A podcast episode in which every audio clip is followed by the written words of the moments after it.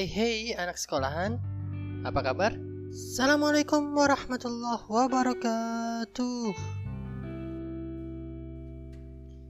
Oke, anak sekolahan, kamu pernah nggak dalam suatu ketika merasa bahwa kamu tidak punya sekian banyak kelebihan atau mungkin justru minder di hadapan teman-teman kamu yang kelihatan wah super banget.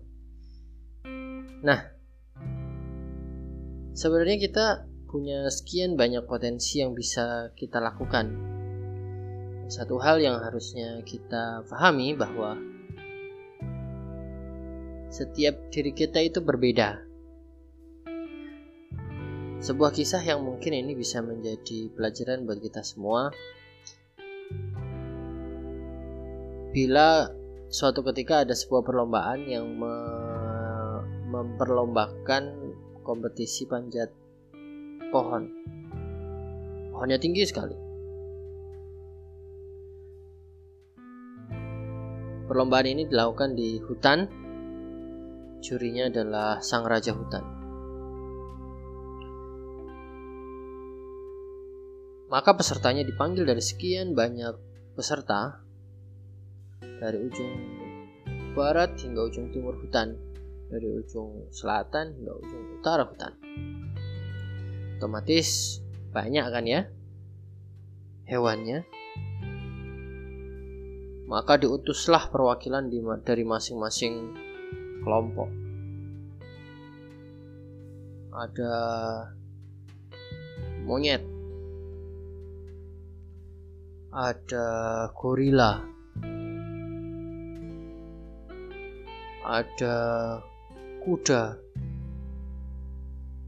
ada jerapah.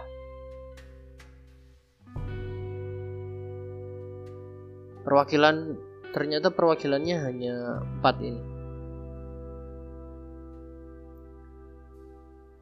Saat perlombaan, seperti biasa, peraturan sama, tujuan sama, dan setiap orang dipersilahkan untuk melakukan yang seharusnya dilakukan. Apa itu? Memanjat pohon.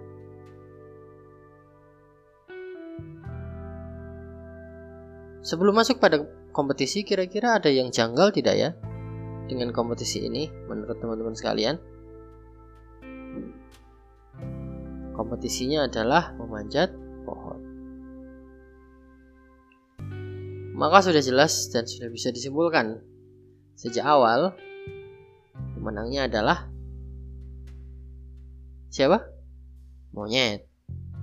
Karena memang tangan dan kakinya serta berat tubuhnya didesain untuk memanjat pohon. Bayangkan kalau kemudian seorang kuda merasa minder dengan potensi kekuatan dari seorang monyet untuk melakukan kompetisi ini. Padahal seorang kuda ini adalah perwakilan dari kelompoknya. Dia adalah yang baik, yang terbaik dari yang terbaik dari kelompoknya. Kelompoknya pun adalah kelompok kuda. Tetapi karena kompetisinya adalah memanjat pohon, maka kemampuannya tidak terlihat atau kemampuannya justru dipandang remeh dan tidak berguna. Baik. Sudah paham sampai di sini, kawan-kawan sekalian? Jangan bandingkan kita satu sama lain pada hal yang memang tidak mungkin bisa dibandingkan. Kita punya kelebihan, dia punya kelebihan.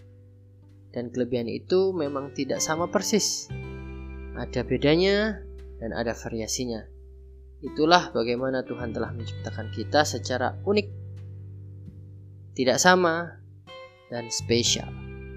Dan semoga ini bisa membuat kita terus bersyukur dan terus menggali apa yang spesial dari diri kita sehingga kita bisa menjadi orang-orang yang bersyukur.